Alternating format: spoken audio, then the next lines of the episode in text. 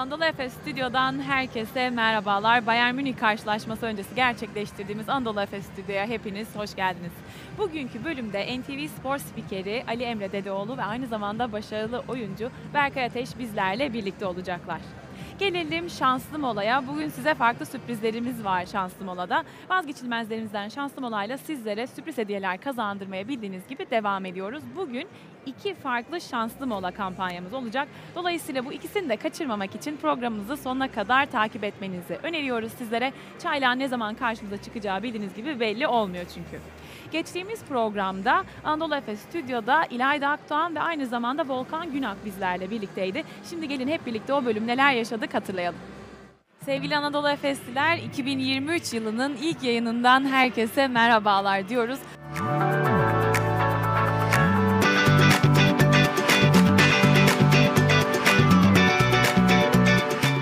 Anadolu Efes Stüdyo'nun ilk konu sevgili İlayda yanımızda. Hoş geldin. Hoş bulduk.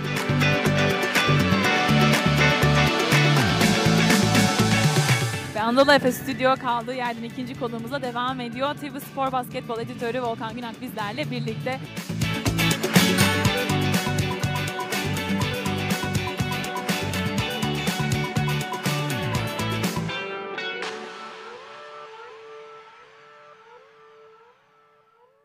Üç sezondur her mücadelende arkandaydık. Milyoner olarak birlikte olduğumuz dördüncü sezonda da sponsorun olmaktan gurur duyuyoruz. Billionaire. Arkamızda. Değerli Anadolu Efesliler, Euroleague maçlarımızdaki geleneğimizi bugün de sürdürüyoruz. Bayern Münih karşılaşmasında yine kapalı gişe oynuyoruz. Aynı zamanda Turkish Airlines Euroleague'de Şubat ayında ev sahibi olacağımız Real Madrid maçı biletlerimiz de şimdiden tükendi. Takımımızı yalnız bırakmayan Anadolu Efeslilere çok teşekkür ediyoruz. 1 Şubat çarşamba günü oynayacağımız Žalgiris Kaunas karşılaşmamızın biletleri ise şu an www.mobilet.com'da satışta. Buradan size bilgisini de vermiş olalım ve gelelim basketbol okullarına. Anadolu Efes Spor Kulübü basketbol okulları Anadolu Efes ve Türk basketboluna yeni yıldızlar kazandırmak amacıyla Anka Spor organizasyonuyla çalışmalarını sürdürüyor. 5-15 yaş aralığındaki çocuklarımızın katılabildiği basketbol okulları için 0532 566 0375 numaralı telefondan ya da www.anadoluefesbasketbolokulları.com adresinden bilgi alabilirsiniz. Üstelik Anadolu Efes Spor Kulübü basketbol okulları Anadolu Efes Fan Club üyeleri için %10 indirimli. Şimdi ekranlarınıza takımdaki oyuncularımızın da rol aldığı bir tanıtım filmini getiriyoruz.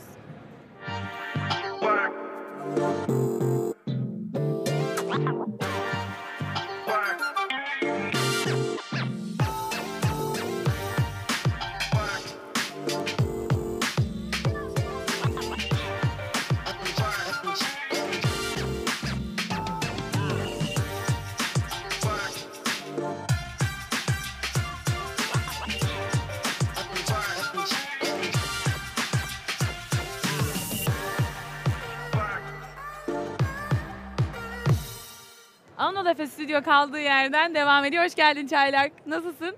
İyi misin? Her şey yolunda mı?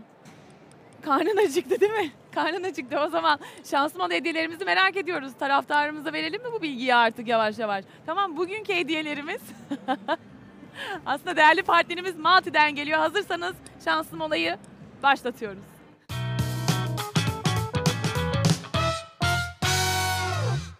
Mobil uygulamamızdaki Şanslı Mola kampanyasına katılan ilk 3 fan club'lıdan biri olursanız değerli destekçimiz Malti'den doymalık hediye paketleri sizin olabilir. Hediyeleri için değerli partnerimiz Malti'ye teşekkür ediyoruz. Değerli Anadolu Efesliler şimdi kısa bir araya gidiyoruz.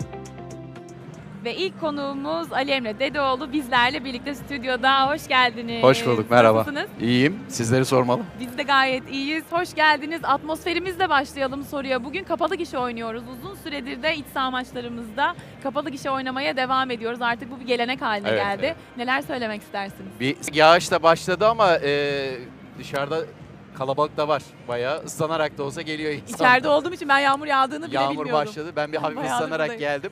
E, ama bayağı bir kalabalık da var. Ya e, şöyle söyleyebilirim.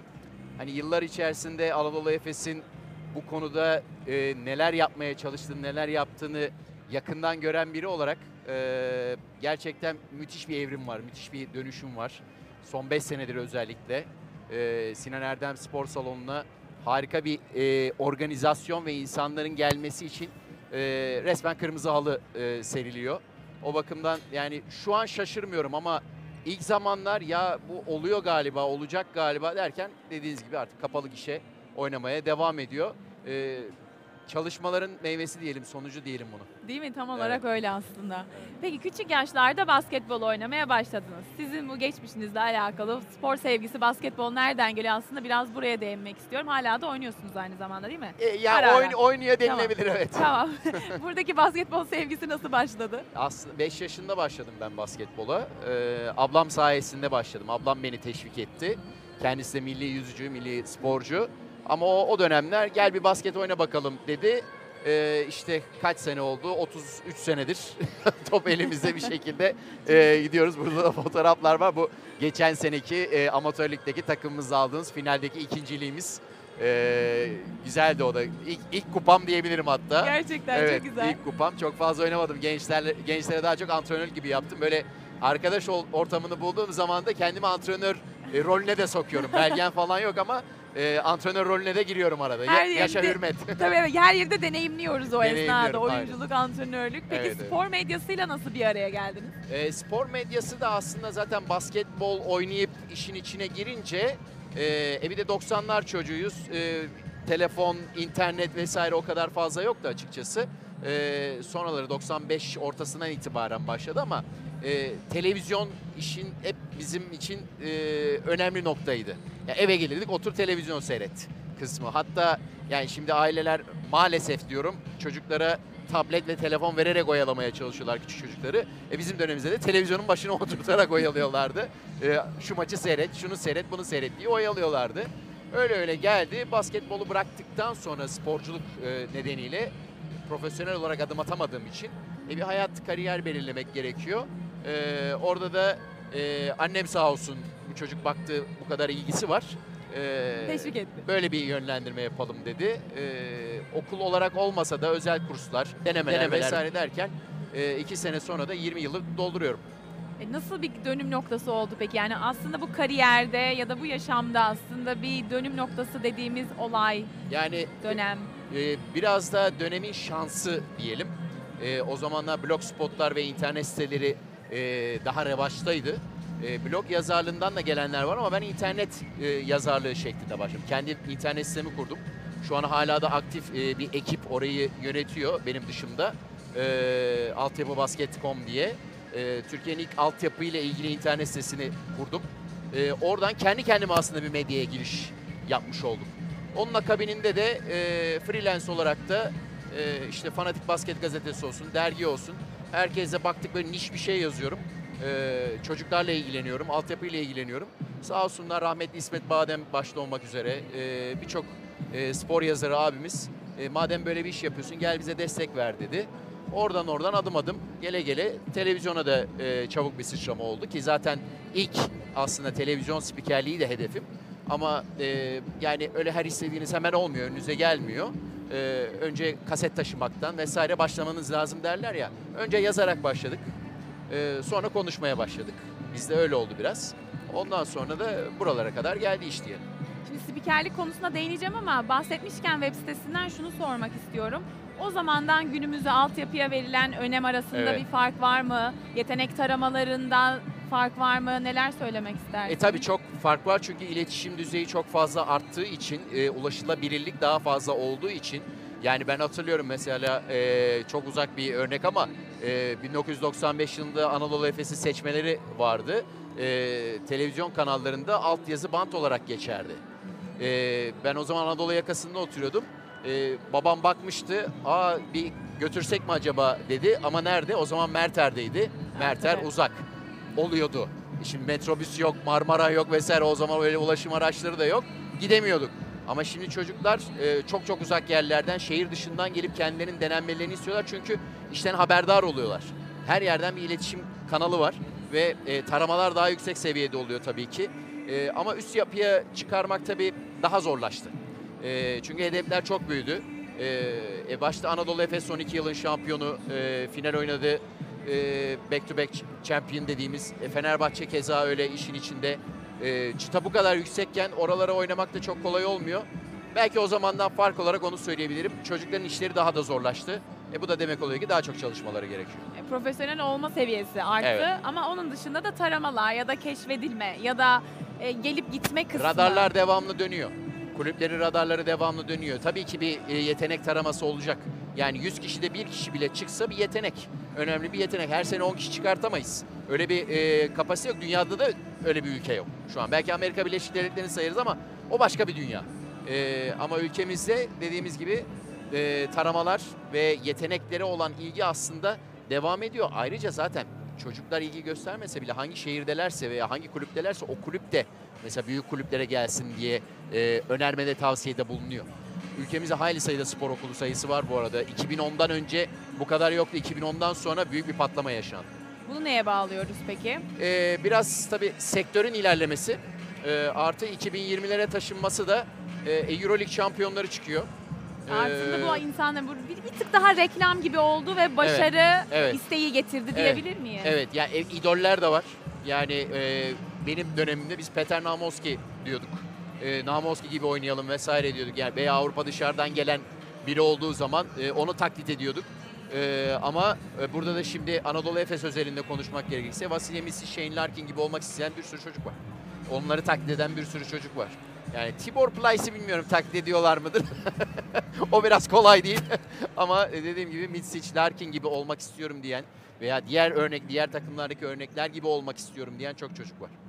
Peki şimdi biraz da rakibimizi tanıyalım istiyorum ama ara ara rakibimizle de alakalı, takımımızla da alakalı istatistiklerde size dönüp hemen sorularımı iletiyor olacağım. Tamam. Şimdi medya partnerimiz Sporex'in katkılarıyla sizlerle birlikte rakibimizi tanıyoruz. Bugünkü rakibimiz sizlerin de bildiği üzere Bayern Münih. Turkish Airlines Euroleague'de oynadığı 19 maçta 7 galibiyet elde etti ve bu maçlarda 78.8 verimlilik ortalamasıyla oynadı. Maç başına ortalama 75.7 sayı bulan Alman ekip ortalama 34.5 rebound aldı. Maç başına asist ortalamaları 13.5 iken top çalma ortalamaları 6.9, blok ortalamaları ise 2.5 şeklinde.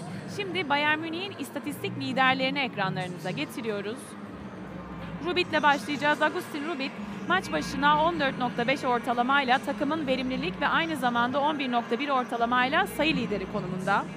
Freddy, Freddy'ye geçiyoruz şimdi. Freddy Gillis Gillespie aslında maç başına 6 ortalamayla rebound lideri ve aynı zamanda 0.8 ortalamayla takımın blok lideri konumunda. Cassius Winston maç başına 3.2 ortalamayla asist lideri ve aynı zamanda top çalma lideri ise maç başına 1.1 ortalamayla Corey Walden oldu. Hemen aslında size dönmek istiyorum. Şimdi antrenörle ilgili de biraz sorularım olacak. Trinkieri yönetiminde her zaman tehlikeli olabilen bir takımla aslında karşı karşıya geliyoruz. Şimdi bu sezonda çok istikrarlı olduklarını da söyleyemeyiz. Doğru. Ee, sizce bu akşam Bayern Münih'ten neler bekliyoruz? Ya Bayern Münih e, geçtiğimiz sezonlardaki gibi değil. Biraz da bu çaylak oyuncu sayısının da fazla olması. E, Vladimir Lucic çok önemli bir e, faktör. E, onun da tam olarak işin içine girememesi, sakatlık yaşaması. Bir ara bir ivme yakaladılar yine düşüş geldi. Geçtiğimiz sezonlara oranla e, darbe aldıkları zaman daha fazla etkileniyorlar. Yani hani şöyle bir sallantı durumu söz konusu. Euroleague'de de ikinci yarı diyebileceğimiz fazın aslında baş- başlarındayız şu an. Ee, tam da zamanında yakalamış vaziyetteyiz. Çünkü e, playoff için bir şeylerin ateşlendiği dönemde oynamaktansa bu dönemde pas geçip e, çelmemeyi, çelmeyi yememek daha önemli. Bayern Münih çünkü çelme takabilecek takımlar klasmanında. Günü gününe uymuyor. Alman takımlarının Ee, biraz öyle Alba Berlin'in de mesela başlangıcı çok iyiydi. Sonra bir anda keskin bir öyle bir inişe geçtiler ki e, kendileri bile tutamadılar kendilerini yani. Bayern Münih biraz daha farklı. Trinkieri şöyle söyleyeyim e, oyun okumada veya oyuna yaptığı hamlelerde sıkıntısı yok ama oyuncunun verdiği reaksiyonda problem yaşıyor. İşte dediğim çaylak oyuncular kısmı mesela sezon başında öyle e, bir molasını seyrettiğimiz zaman yani e, korkuyorsunuz oyuncuya bir şey yapacak diye neredeyse o kadar sinirleniyor. Ne yapıyorsun kardeşim sen diyor. Yani e, orada bayağı problem yaşıyor. Ama e, onlar için de bir iğme yakalamaları, bir ümit yakalamaları için de önemli bir maç. Çünkü Anadolu Efes'inde e, ya şöyle söyleyelim biz kendi programlarımızda da devamlı konuşuyoruz. Anadolu Efes bir şekilde playoff'un içinde olacak diye görülüyor, bakılıyor. Yani olamazsa çok büyük bir sürpriz olur. Ee, hani son iki sezonu şampiyon olup veya son şampiyon olup da o tarz bir üstten yaşayan takım yok. Olmayacak da. Ee, fakat belli dönemlerde bir iniş çıkışı yaşadığı için insanlar bazen şunu söylüyor. Rakip mi seçiyor acaba? Demeye başlıyor Anadolu Efes. Ee, haliyle çok büyük yerlere oynadığı için, şampiyonluğa oynadığı için ama Bayern Münih o seçilecek rakip değil. Ee, hele evindeyse maç hiç değil. Ben zannetmiyorum zaten bugün bir kaza olacağını. Ee, dediğim gibi tam yakalan yakalanacağı dönemde yakalandı Bayern. Bence pas geçili tam pas Güzel bir geçilecek. timingde yakalandı. Evet. Peki şimdi takımımızın istatistiklerini ekranlarınıza getireceğiz yine medya partnerimiz Sporex'in katkılarıyla. Takımımız Euroleague'de parkeye çıktığı 19 maçta 95.4 verimlilik ortalamasıyla oynadı. Maç başına ortalama 81.6 sayı bulurken ortalama 33.4'te rebound aldı. Maç başına asist ortalamamız 15.3 iken top çalma ortalamamız 6.3 ve blok ortalamamız ise 3.5 şeklinde. Öne çıkan istatistikleri getireceğiz. Oyuncularımızın istatistiklerini getiriyoruz şimdi ekranlarınıza. Tibor'la başlayacağız. Tibor Plyce bu maçta Euroleague kariyerinin 300. maçına çıkacak. Burada hemen aslında size sorumu iletmek istiyorum. Bu gerçekten kariyer için çok önemli bir basamak. Burada geçtiğimiz sezonda hep bahsediyorduk hangi oyuncularımızın hangi seviyede, hangi dereceye geldiklerini ve bu sefer de artık sıra Tibor'a geldi. Anladığım kadarıyla son Barcelona maçında da yine çok kritik yerlerde de görev aldı Tibor. Neler söylersiniz Tibor için? Ya e, benim şöyle bir gözlemim vardır basketbolcularla ilgili. 2-15 ve üzeri olan oyuncuların işleri hiç kolay değil. Yani yaşam anlamında demiyorum, basketbol sahası anlamında diyorum. E, sakatlık mevzuları, tempo konusunda o dizlerin o vücudu taşıması hiç kolay değil. Tibor Plyce'ın da zaman zaman yaşadığı sakatlıklar, problemler oldu. Fakat e, daha önceki Türkiye dönemlerinden de biliyoruz. Bir kere bir soyunma odasında bir Tibor Plyce figürü var. Saha içinde bir Tibor Plyce figürü var. Bize göre abi, onlara göre profesyonel. Ee, ve Plyce gerçekten e, çok öne çıkmadan liderlik yapabilen bir figür. Yani takım içerisinde, takımı toplayabilen bir figür. Dediğim gibi ama e, bu arada dansın da var şimdi ekrana gelince. O ikisi beraber de çok farklı iki oyuncu karakteri ama e, bence ikisi beraber de bu takıma yani yaş olarak da profesyonel anlamında da liderlik yapıyorlar. Ha, saha içindeki kısımda da rolünü de çok iyi biliyor. Ee, orada da mesela çok sivrilecek hareketler yapmıyor. Zaten belli bir e, oyun profili olan bir oyuncu. Hani Anadolu Efes'e tabiri caizse cuk oturmuş bir isim. 300. maçta şaşırtmadı ki Singleton'ın da mesela böyle bir istatistiği vardı. Hiç maç kaçırmadan üste. e, üst üste Evet. oynadığı vardı ama o dönem hastalık e, salgın döneminde bir ufak bir ara vermek durumunda kalmıştı. E, istikrar abidelerinin olduğu bir kadro diyebiliriz açıkçası. Kesinlikle, kesinlikle öyle. Peki şimdi Vasilya Misic'le devam edeceğiz ekranlarınıza getiriyoruz. Euroleague'de parkeye çıktığı son 33 maçın tamamında en az 11 sayı kaydetti Vasilya Misic ve Will Clyburn'e geçecek olursak bu maçta 37 sayı atması halinde Euroleague kariyerinde 2500 sayı barajına ulaşacak Clyburn. Ve şimdi takım istatistiklerimizi ekranlarınıza getiriyoruz. Yine Will Clyburn'e devam edeceğiz. 18.2 ortalamayla sayı liderimiz ve 6 ortalamayla rebound liderimiz konumunda. Vasilya Mitsic 20.9 ortalamayla verimlilik puanı ve 6.4 ortalamayla aynı zamanda asist liderimiz konumunda. Rodrik Boboa 0.9 ortalamayla blok liderimiz ve aynı zamanda 1.2 ortalamayla top çalma liderimiz konumunda. İstatistiklerimizi tamamladığımıza göre hemen yine sorularımla devam ediyorum. Şeyine geleceğim. Artık uzun bir sakatlık döneminden sonra takımımızla birlikte form tutmaya da başladı. Hatta son karşılaşmada zaten e, kendini gösterdi Barcelona karşılaşmasında. Evet. Larkin için neler söylemek istersin? Ee, hani figür kelimesini onun için de kullanacağım. Hepsi yani Boboa da dahil olmak üzere e, şu an belki çok fazla e, yine bir değer veriyoruz ama tam anlamıyla değerlerini çok yıllar sonra belki bulacak bu oyuncular. Basketbol tarihimiz için konuşuyorum. E, tüm Euroleague'de başarıya imza atmış oyuncular için de söylüyorum ama Larkin'in tabii Türk milli takım formasını da giyiyor olması ki ilk sakatlığı yaşadığı maçı e, ben anlatıyordum.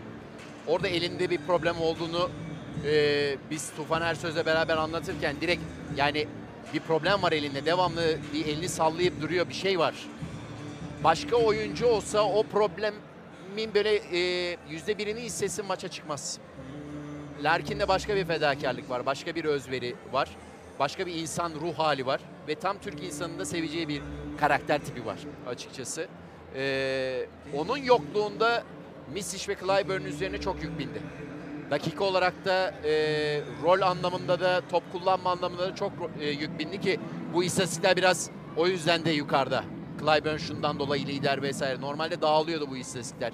Takımın e, kendi içinde yarattığı rollerden dolayı, Ergin Ataman'ın verdiği rollerden dolayı ama hem Clyburn'e hem Misic'e e, çok yük bindi. Larkin'in geri dönüşü önemli. E, biraz tutuk başlayabilir normal ama e, Barcelona maçı gösterdi.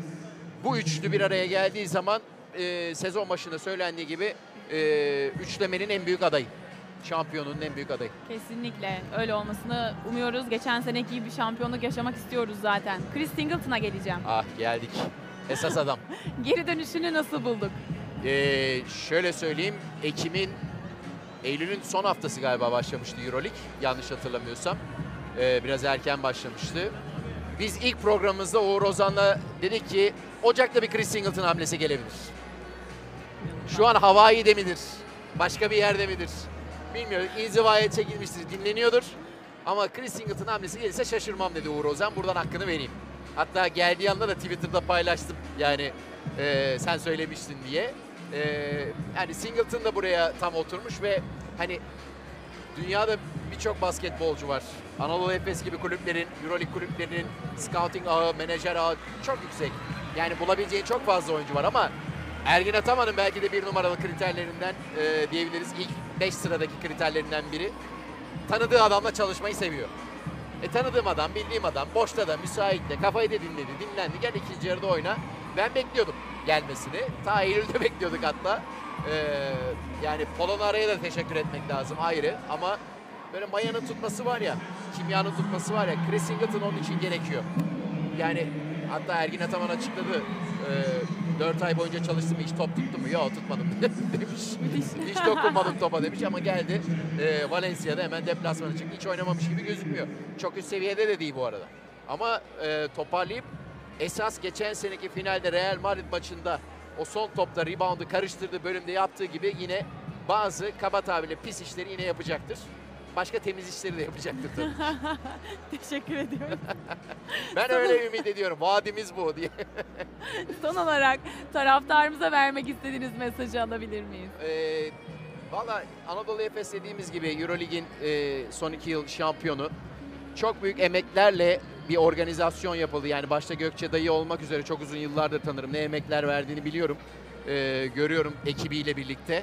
Yani müthiş bir ortam. Sinan Erdem Spor Salonu. Ee, Efes'in maçları en azından şampiyonu seyretmek için kaçırılmaması gerekiyor diye düşünüyorum. Sırf Efes'i tutmak veya tutmamakla alakalı bir durum değil. Çok teşekkür ediyoruz Ben bugün teşekkür bizlerle birlikte olduğunuz Ben için. Hemen seyircilerimize dönüyorum. Kısa bir araya gidiyoruz.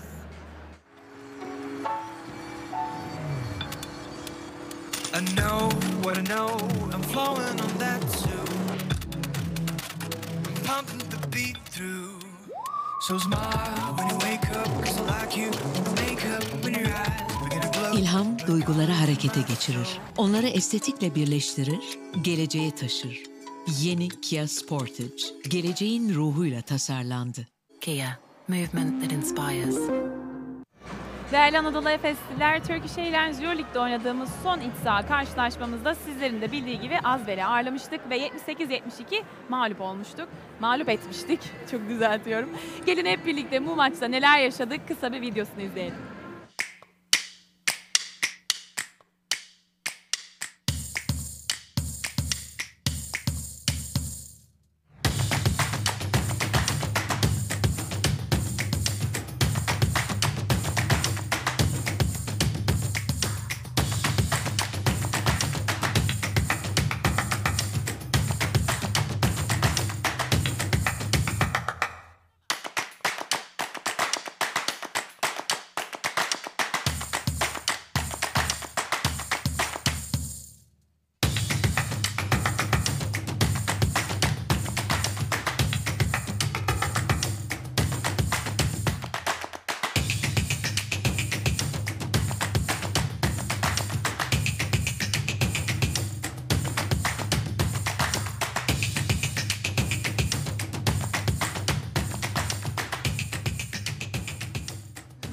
Videonun tamamını Anadolu Efes Stüdyo YouTube kanalından izleyebilirsiniz. Şimdi kısa bir araya gidiyoruz.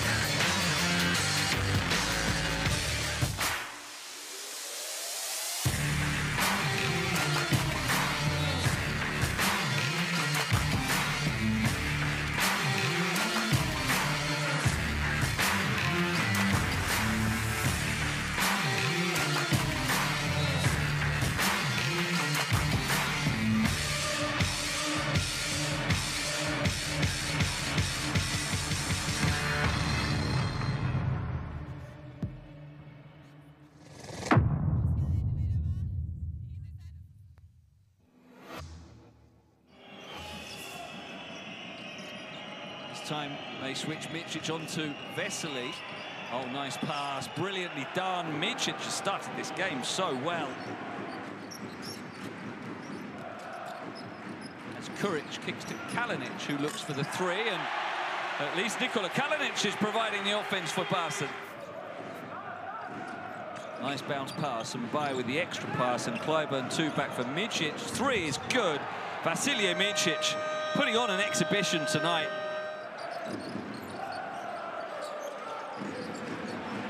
That was well worked between Higgins and Kalinic. Now Mirotic coming to set the screen for Higgins, who weaves through. Can't get it to go, but Mirotic follows it up. That's his second tip-in of the game. Boubois coming in and immediately doing that, stroking the three. And it's Mirotic in the corner. And a few more of those will help Barcelona. Larkin, who's open for the three, and he makes it. Excellent from Efes. Now La Provitola looking for Mirotic, and this time, no mistake, and one.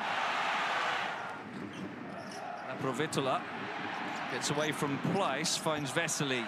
Again, excellent creation from La Provitola.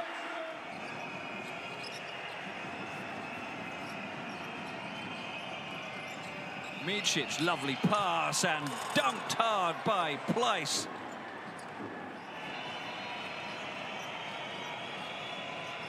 Now Larkin wants another three and makes another three. Micic will have to because the shot clock is expiring and oh how did that go in?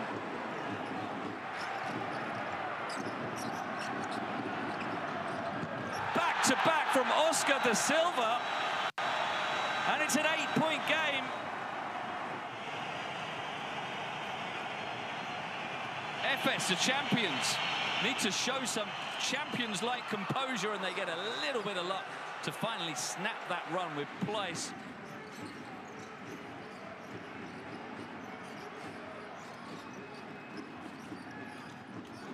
Higgins has to make this shot, and he does.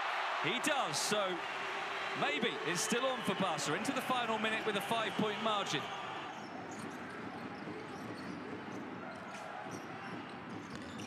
Higgins is off the mark, Clyburn takes it, and that is the end of the game. FS were dominant for 35 minutes, then they had to survive a real scare as Barca came fighting back in the final quarter. But it wasn't quite enough for the hosts. FS takes the road win. Anadolu Efes Stüdyo'ya kaldığımız yerden ikinci konuğumuza devam ediyoruz. Başarılı oyuncu Berkay Ateş bizlerle birlikte. Hoş geldin. Hoş bulduk. Nasılsın? Merhabalar. İyiyim sağ ol. Sen nasılsın? Ben de iyiyim. Teşekkür ederim. Şimdi senin gibi büyük bir Anadolu Efes taraftarıyla bugün Evet. buradayız. Final Four'da da geçtiğimiz sezon bizlerle birlikteydin Evet. aslında Belgrad'da. Dolayısıyla bu çifte Euroleague şampiyonluğu sürecimizden başlayarak aslında sana sormak Tabii. isterim. Bu heyecan nasıldı? Geçen sene Belgrad'da olmak nasıldı? Bize biraz anlatabilir misin? Ee, yani hayatımız boyunca unutmayacağımız bir şey yaşadık. Bence yani e, kulüp bazında da basketbolda yaşadığımız en büyük başarılardan birine Belgrad'da tanık olmak e, benim için çok etkiliydi. E, yani hala ara ara böyle konuşuyoruz yani düşündüğümüz zaman o şampiyon olduğumuz an hatırlıyorsun yani salonun neredeyse hepsi Olympiakos taraftarıydı. Sesimiz bile çıkmıyordu ama bir şekilde back to back yapmak Mis için Olympiakos maçındaki son anda attığı basket bence bir ömür unutmayız Belgrad'ı. Evet. Evet. ben ya o anlar gerçekten çok güzeldi. O iki karşılaşma da muhteşemdi. Hala akıllardan kazınmadı. Kaldı bizlerle birlikte. Maçtan sonra da ay, yayından sonra da aslında maçı takip edeceksin. Neler hissediyorsun? Uzun yani en son ne zaman izledin buradan Ee, maçı? en son 3,5 ay kadar izledim. Zaten 3 aydır e, Adana'daydık bir dizi çekimi için gelemedim. E, ablamın oğlu var 7 yaşında ve o da Efes'te şimdi baskete gidiyor. E, ve o da gelecek ve beraber Ay, böyle çok bir güzel. kuşaktan kuşağa bir Efes taraftarlığı e, ailede devam ediyor. Heyecanlıyım. Ben geçen yıl da Euroleague'de Münih maçını izlemiştim burada. O zaman kazanmıştık. E, Bu maçlara mı geliyoruz? sen? genelde Münih maçını şeyim ben, banko çağrılıyorum. Çok iyi. Peki biraz da aslında şimdi sizi kariyere doğru döneceğim. Yavaş yavaş takımımız da bu arada ısınmalara çıkacak. Sesler arttığına göre birazdan geliyorlar onu anlıyorum. Anadolu Efes Mavi Sahne ile ilgili biraz konuşalım istiyorum. Anadolu Efes Mavi Sahne Pop-Up adlı yeni bir projeye başladın. Biraz bize bunu anlatabilir misin? Ee, geçen yıl başlattık aslında ee, e, Pop-Up Mavi Sahne bir şekilde benim çok eskiden beri yaptığım bir şiir projesi vardı Yazarlar Ormanı. Onu bir şekilde barlara taşımış olduk. Ve aslında ülkenin yeşillenmesi için ee, gelen herkes adına, katılan bütün katılımcılar adına ee, tohum atışı yapılıyor. Ve biz de 6 tane etkinlik yaptık ve pazartesi e, akşamı da Adana'ya gideceğiz. Adana Hayal Kahvesi'nde 7. etkinliği yapacağız. Pavap Mavi Sahne Yazarlar Ormanı olarak. Ve 2023'te de devam edeceğiz. Bir şekilde yani şiirle, tiyatral bir performansı aslında bara taşıyıp e, hem e, sıcak bir ortam hem de aslında ülkenin yeşillenmesi için katkı sağladığımız bir hikaye. Aynı zamanda biraz önce sizlere bahsettiğimiz gibi takımımız da Bayern Münih karşılaşması için ısınmalara, sahaya çıkmış durumda. Bu esnada biz de sohbetimize devam edebiliriz. Peki son filmine dönmek istiyorum. Karanlık Gece Altın Portakal'da en iyi film ödülüyle döndünüz. Buradan başlayalım. Nasıl bir hissiyattı bu? Ee, çok güzel bir hissiyat. Ee, ben Karanlık Gece'yi çok beğeniyorum yani. Çok arkasında durduğum da bir film. Tabii ki Altın Portakal'da en iyi film almak yani hem görünür ol- olması adına filmin hem de bizim yaptığımız işin kıymetini bulmak adına da çok güzel. Ee, Mart ayında da vizyona girecek. Tam tarihi belli olduğu zaman zaten e, duyurulur. Ee, Özcan Alper Türkiye sinemasının da en büyük yönetmenlerinden biri bana kalırsa. Bu anlamda Karanlık Gece'nin umarım yolu açık olur. Benim adına da başrolünde oynadığım bir filmin e, böyle bir başarı elde etmesi güzel. Yurt dışına gideceğiz. Yurt dışı festivalleri var önümüzdeki ay. Hem festivaller hem vizyon. Umarım seyircisi de bol olur. Nerelere seyahatler var? Duyurulmadığı Belli mi? için Ha, e, tamam. Sormuyorum. şey yapmıyorum. Ben yine cevap Evet. alamayacağım bir soru daha soracağım birazdan da hadi bakalım. Çekimlerine başladığınız diziye dönmek istiyorum. Evet. Yani ne kadar detay alabilirim bilmiyorum. Evet. Bekliyorum detay o yüzden soruyorum. Magarsuz dizisiyle alakalı neler öğrenebiliriz? Ee, biz iki buçuk üç aydır Adana'dayız. Ee, Magarsus Blue TV'nin bir projesi. Sevgili Yunus Ozan Korkut'un hem senaristliğini hem yönetmenliğini yaptığı bir iş. Adana'da bir narinciye tarla, e, tekeli olan bir ailenin aslında hem parçalanması hem de benim oynadığım karakterinde bir yükseliş hikayesi. 8 bölümlük bir dizi. Ee, ben oynuyorum, Merve Dizdar oynuyor, Çağlar Ertuğrul, Ercan Kesal, Menderes Samancılar. Ee, benim için de çok mutlulukla yer aldığım bir proje. Enteresan da bir karakteri oynuyorum orada. Ee, Adana'da, şimdi fotoğrafı da var. Adana'da 8 bölümü tamamladık ve döndük. Ee, şöyle söyleyebilirim belki e, buraya özel olabilir ama herhalde Mart-Nisan gibi yayınlanması planlanıyor. Aslında dönüm noktası sanki her şey Mart gibi anlıyorum Bilmiyorum ben de durdum her bekliyorum şey yani. Aynen, o arada maçlara geliyorum. Çok güzel. Aynen. Peki biraz da kariyerinin başına gidecek olursak nasıl başladı her şey? Her şey aslında Çünkü şöyle detaylarım var. Ee, berber çıraklığından Tarkan'ın korumalığına kadar farklı farklı yerlerde çalışmışsın Evet. aslında. Sonra nasıl buraya geçti Tabii. işler onu merak ettim. Bir de yani 11 yıl kalecilik yaptım ben.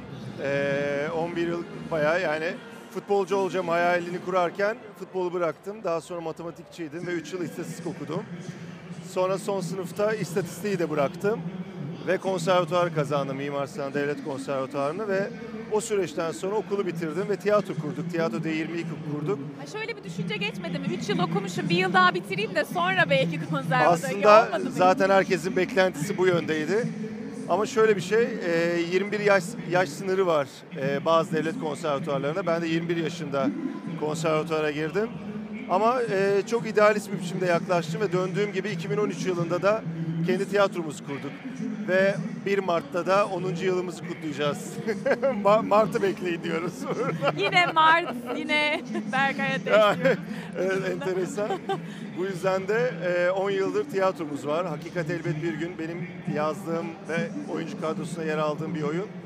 E, onu da 1 Şubat'ta Alan Kadıköy'de oynayacağız. Oynamaya devam ediyoruz.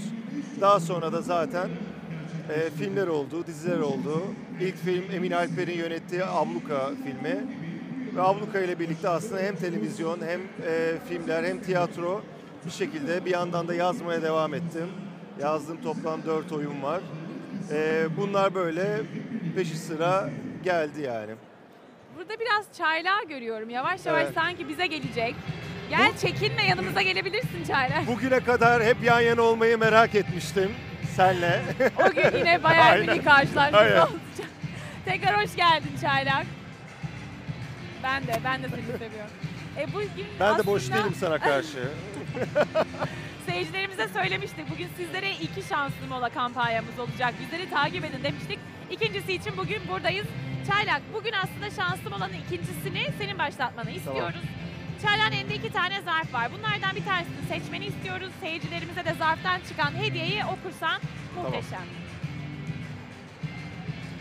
Bakalım neler bekliyor.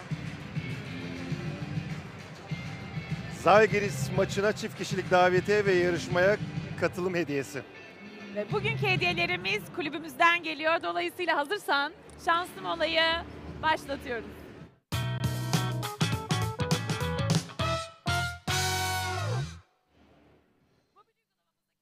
Mola kampanyasına katılan ilk fan club'da olursanız Jargis Kaunas karşılaşmasına çift kişilik davetiye ve maç içerisinde gerçekleşecek olan sürpriz yarışmaya katılma hakkı kazanacaksınız.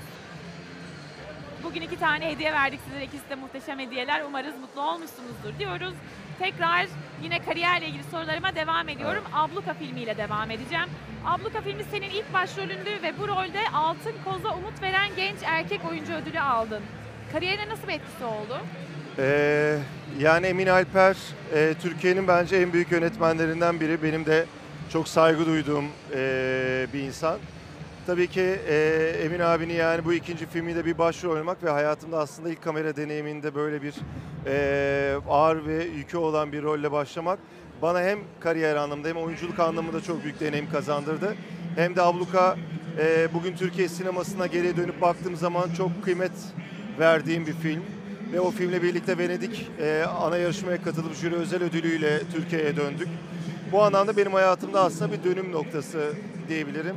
Daha sonraki bir sürü e, birçok filmde yer almama, e, aslında bir anlamda kamera önünde bir kariyer yapmama e, çok alan sağladı. Bu anlamda Abluka e, benim için hayatımda hep böyle başka bir yerde e, duran bir film. Tahmin ederim. İyi ki umut verdim yani. Peki oyunculuğun yanı sıra Evet. oyun yazarlığı da yapıyorsun. Biraz da buraya değinelim istiyorum. Hakikat elbet bir gün. Evet. Ve Cevdet Kudret Edebiyat Ödülünü kazandın. O kadar çok ödül ve isim var ki burada metinlerime gerçekten sadık kalmaya çalışıyorum. Bir hata yapmak istemiyorum. Aynı zamanda 44. İsmet Küntay ödüllerinde de en iyi yapım ödülünü aldın. Evet. Şu an yazdığın herhangi bir oyun var mı? Şu an bir oyun yazmıyorum. Uzun zamandır aslında e, bir sinema filmi hikayesi ve bir roman yazmakla uğraşıyorum. Ama tabii yani pandemi ve bu diğer işlerin yoğunluğundan dolayı e, çok hızlı ilerlemiyor ama bir şekilde bitecek. Hakikat elbet bir günde benim yazdığım e, son oyun. Hala oynamaya devam ediyoruz 3 yıldır. Ama şöyle bir şey söyleyebilirim. Yazdığım toplam e, ezgi 4 tane oyun var. Ve bu yıl aslında bir şekilde bu oyunlar bir kitap haline gelecek. İki tane de yazdığım öykü var. Aslında ilk defa e, bir şekilde seyircinin de talebiydi bu oyunları okumak. Benim de en büyük hayalimdi. Hem bu dört oyun hem iki oyunu birleştirerek Tiyatro D22 yayıncılığını e, kurabilirsek e, bu yıl 2023'te bir basılı hale getirip Mart ayı diye düşünüyorum ben. e, bence bu yayından sonra ben bunu Mart için hızlandıracağım yani. bir dönüm noktası Mart. Peki bu D22'yi aslında bize biraz anlatabilir misin? Evet. Nasıl üniversite konservatuvardan Evet. aslında arkadaşlarla Evet. birlikte kurduğunuz. Nasıl kuruldu? Ee, üç sınıf arkadaşıyız biz. Emir Çubukçu, Can Kulan ve ben. Ee, 2023 1 Mart'ında ilk oyunumuz Bent. Meltem Cumbul'un, sevgili Meltem Cumbul'un yönettiği Bent'le e, açılışımızı yaptık ve 10 yıldır devam ediyoruz. Toplam e, 11 oyun yaptık, birçok proje yaptık, birçok e, öğrenci yetiştirdik konservatuara. O zamanlar bir mekanımız vardı Galata Hamursuz Fırında. Daha sonra mekanı kapattık. Şimdi birçok e, sahnede dolaşarak oynuyoruz. Bugün ülkede e, bir tiyatroyu yaşatmak, devam ettirmek çok zor. Ama şuna çok mutluyum yani bir pandemiyi atlatsa da e, sanat insanlar tiyatroya gelmeye, bu ekonomik koşul, bütün bu ekonomik zorluklarda e, tiyatroya gelmeye devam ediyorlar. Gerçekten doğru. Ben de son iki yani son bir aydır iki tane oyuna gittim. Orada da gerçekten Evet. neredeyse kapalı gişe Evet. oyunlar oldu. Ben de senin kadar şaşırdım Kesinlikle aslında. bizim için inanılmaz kıymetli. Yani geçen hafta en son Kadıköy'de oynadık ve e, kapalı kişi oynadık. Şimdi 1 Şubat var, 8 Şubat'ta İzmir'e gidiyoruz. Bu anlamda yani hem pandemiden çıkmış yorgun bir e, seyirci kitlesi, bir tedirginlik, hala hastalık devam ediyor. Hem ekonomik koşullardan, e, bu sebeplerden seyircinin bizi yalnız bırakmaması inanılmaz kıymetli. Tiyatro devam ediyor. Etmesi için de biz de elimizden geleni yapıyoruz. D22 olarak da bu yıl 3 tane oyun yapacağız. Mart'ta değil. Tamam. Dolayısıyla gelecek bir kitap var. Bir Evet. de aynı zamanda üç tane oyun mu bekliyoruz? Evet, evet. Peki tamam. Evet. Peki oyunculuk mu, oyun yazarlığı mı? Evet ikisini de seviyorsun ama hani Evet.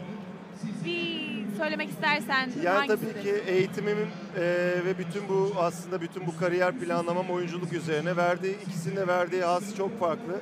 Tabii ki yazarlıkta bir yarat bambaşka bir yaratıcılık devreye giriyor. Bembeyaz bir sayfaya yazılmış karakterleri yaratma gücü insana başka bir e, zorluk ve ağırlık veriyor ama bunda aldığım e, keyif var. Ama e, tabii ki yani ikisi de bambaşka alanlar. Oyunculuk yapmak beni çok mutlu ediyor. Hem tiyatroda, sinemada e, ve televizyonda ya da e, dizide diyebilirim. Benim için ikisi e, ayrı şeyler ama ikisinden de keyif alıyorum. Peki farklı rollerde oynamayı seviyorsun anladığımız Evet. kadarıyla.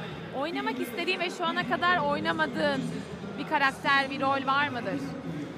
Yani birkaç bir yerde daha söylemiştim ve bu hayali gerçekleştirmek için biraz adımlar atıyoruz. Dostoyevski'nin benim de mezuniyet projemdir konservatuarda. Suç ve ceza metnini e, hep hayalimdi. Artık bu hayali gerçekleştirmeye biraz yaklaştık. E, çok severim Raskolnikov'u. Umarım bu yılı oynarım. Bu, bu yıl içerisinde Aynen. almış olduk. Buradan Evet. bir bilgi aldık. İstemeden bir bilgi aldık ama güzel oldu. Tamam. Peki set dışında kalan vakitleri nasıl geçirirsin? Ee, aslında sete hazırlanarak geçirdiğim bir vakit oluyor. O zaman yoğun spor yaptığım bir e, dönem oluyor. Aslında okuyarak, biraz e, gezerek, tatil yaparak e, insanın böyle biraz sağaltması gerekiyor. E, ben o hikayeyi seviyorum yani. Farklı farklı yerlere gitme hikayesini. Güzel dostlarım var. Güzel zaman geçirmeyi seviyorum. Böyle durduğum, çok yoğun kapandığım, spor yaptığım e, farklı farklı zamanlarım oluyor. Aslında bu her yıl, her projeye göre, hayatımın her dönemine göre biraz değişiklik gösteriyor. Şehir dışı işlerdeki adaptasyon süreci nasıl? E, çok Ee, sık git gel yapamıyorsunuzdur diye düşünüyorum ben benim a- diğer arkadaşlarımdan da. Evet, yola çıktım. Adana'dayken 8 bölüm, 2,5 ay içerisinde 4-5 kere geldim ve bu sadece oyunlar için oldu. Tiyatro oyunu geri döndüm. Bu ağır bir tempo oluyor. Bir anda evden uzak kalıyorsunuz e, vesaire. Karanlık Gece de öyleydi. Antalya'da çektik ve orada çok daha az geldim. İzleyince göreceksiniz yani o bir de bayağı dağlar vesaire. Orada dağcılık öğrendiğim böyle bir başka şeydi. Neyse ki yani böyle ben hiç çok uzun gitmedim ama hep çok yoğun gittim geldim. Çok şey öğretiyor. Orada o ka- kapanmak konsantrasyon açısından da bence güzel. Ben seviyorum yani şehir dışına çalışmayı. Ama İstanbul'da çok özlediğimi fark ettim. Tabii tahmin ederim. Evet kıpırdamıyorum biraz. Yani bir Adana'ya gidip geleceğim ama hemen Güzel. geleceğim.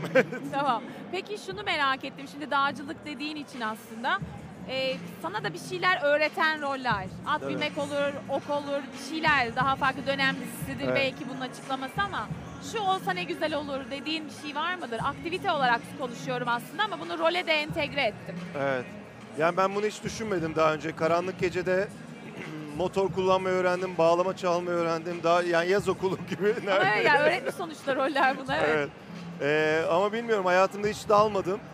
Ve hep böyle kaçtığım bir hikayeydi. Bir gün eğer dalarsam e, bu bir oyunculuk meselesiyle olursa daha böyle cesaretle yapabilirim. Ve böyle bir şey yani suyun altındaki dünyada oynama enteresan bir hikaye olabilir. Hiç düşünmediğim Hiç bir noktadan geldi. evet. Bu arada güzel Evet, aslında. Teşekkür ederim bu soru için de. Rica ederim tabii ki. Peki oynadığın projeler başka ülkelerde de yayınlanıyor mu? Evet. Yayınlanıyorlar değil mi? Oradan geri dönüşler nasıl? Çok güzel yani şöyle bir şey var. Türkiye'nin aslında e, dizi sektörü inanılmaz bir şekilde dünyaya yayılmış halde. Yani e, Güney Amerika'dan Orta Doğu'ya hatta geçen gün İstiklal Caddesi'nde yürürken gerçekten dört farklı milletten insanın durdurup e, dizileri biliyor ve tanıyor olması bizim açımızdan da çok güzel bir şey. Hatta bir gün böyle bir yıl başında Atina'ya giderken pasaport polisi Tanıdı. ile e, böyle bir gergin yani niye durduruluyorum, niye iniyor gibi şey oldu ve pasaport, pasaport polisine bir fotoğraf çektirdik yani. Ben götürülüyor muyum acaba diye düşündüğün an. o gergin an neden bana bu kadar dikkatli bakıyor, gerçekten masumum dediğim an Adı o mu gerçekten? meğersem Bu- diziyi izlemiş o hayranmış yani. Çok güzel. Peki bir set gününü sorsak sana. Yani tabii gece seti gündüz seti elbet değişiyordur ama daha bir rutin olarak normal sabah 9'da alındın diyelim ya da gittin sete. 11-12'de de artık kayıt var. Evet. Nasıl geçiyor Ha, süreç? Geçen gün konuştuk aslında bu böyle bir iki yıldır keşfettiğim bir şey. Ee, Ergin Hoca sahada. Evet. Hocadan üçüncü şampiyonluğu bekliyoruz. Ve üçüncü şampiyonluğu yapıyor şu an. İnanılmaz, evet. Gerçekten Ergin Hoca'nın bu kadar yani özgüvenli olması inanılmaz bir şey. Ee, ben kahvaltı etmeyi bıraktım mesela çok uzun süredir. Biraz düşürüyor beni. Biraz böyle aslında yemeği sonra attığım, e, sakince kalktığım, yarım saat hazırlandım ve e, sahnelere baktığım bir süreçle geçiyor. Hatta dün konuştuk yani gerçekten kahvaltıyı kestim. Ha, öyle sette. mi? Tamam. Bilmiyorum bu bilgi kim ne yapar ama Sonuçta rutini öğrenmeye Evet, evet, çalışıyorduk evet, biz de. Çok teşekkür benim için de şey yani yeni konuştuğum Farklı bir keşfettiğim bir şey. evet. Tabii farklı bir konu. Evet. Son olarak taraftarımıza vermek istediğin mesajın var mıdır onu alalım senden. Yani bence Ergin Hoca taraftarı en büyük mesajı verdi 3. şampiyonlukta. Ee, umarım Final Four'a katılırız ve bu yıl Litvanya'da Litvanya'da yine orada e, Final Four'a katılıp belki de yani 3. şampiyonluğu kazanırız. Benim inancım tam. Ee, özellikle Larkin'in dönmesiyle birlikte daha da böyle bir heyecanlandım. Çünkü çok beğeniyorum e, Larkin'i. Ee, umutluyum. Biraz dengesiz gidiyor olabiliriz. Ama bence Barcelona galibiyeti, bugün Münih galibiyetiyle birlikte bence ivme Çıkış yakalar. başlayacak Evet. yine. Çok teşekkür Ben ediyorum teşekkür keyifli ederim. sohbet için. İyi ki geldin. Sağ ol, teşekkür ederim. Şimdi hemen seyircilerimize dönüyorum. Kısa bir araya gidiyoruz.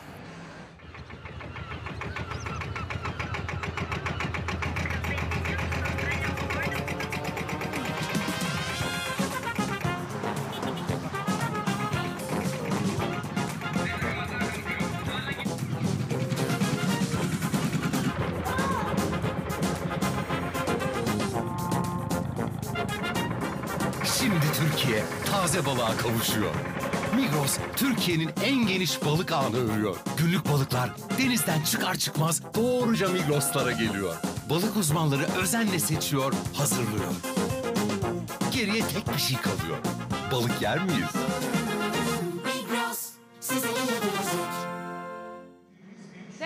Efesliler ilk 5 quizimiz birazdan mobil uygulamamızda yayında olacak. Bugün parkeye çıkacak ilk beşimizi doğru tahmin edin ve Fan Club puanları kazanın diyoruz. Aynı zamanda bugünkü karşılaşmayı Esport ve Esport Plus'tan canlı izleyebilirsiniz. Değerli Fan Club'lılar mobil uygulamamızda maça desteğini göster butonuna tıklayarak Fan Club puanları kazanabilirsiniz biliyorsunuz. Nerede olursanız olun maça desteğini göster butonuna tıklayarak Turkish Airlines Euroleague maçlarımız için 15 Fan Club puanı kazanabilirsiniz. Bayern Münih karşılaşmamız için bugünkü takım kadromuzu şimdi ekranlarınıza getiriyoruz. Takım kadromuz Larkin, Boboa, Singleton, Bryant, Clyburn, Egehan, Burahan, Plyce, Mitsic, Embay, Jijic ve Dunstan olarak ekranlarınıza geldi. Çifte Euroleague şampiyonu Anadolu Efes'in şampiyon taraftarları sizlere sesleniyoruz. Bugün takımımızı Bayern Münih karşısında sizlerle birlikte destekliyor olacağız. Euroleague'de oynayacağımız bir sonraki iç saha karşılaşmamız olan Žalgiris Kaunas karşısında herkesi Sinan Erdem Spor Salonu'nda takımımızı desteklemeye davet ediyoruz. Yayınımızı takip ettiğiniz için teşekkür ederiz. Artık yayınımızın sonuna geldik. Ben aranızdan ayrılıyorum ama bildiğiniz gibi yayınımız takım sunumlarıyla devam edecek ve hava atışına kadar da yayınımızı takip edebilirsiniz. Aynı zamanda maçın ardından gerçekleştirilecek olan basın toplantısında canlı olarak yine Anadolu Efes Stüdyo YouTube kanalından izleyebilirsiniz. Ben aranızdan ayrılıyorum. Yayınımız devam ediyor. Görüşmek üzere.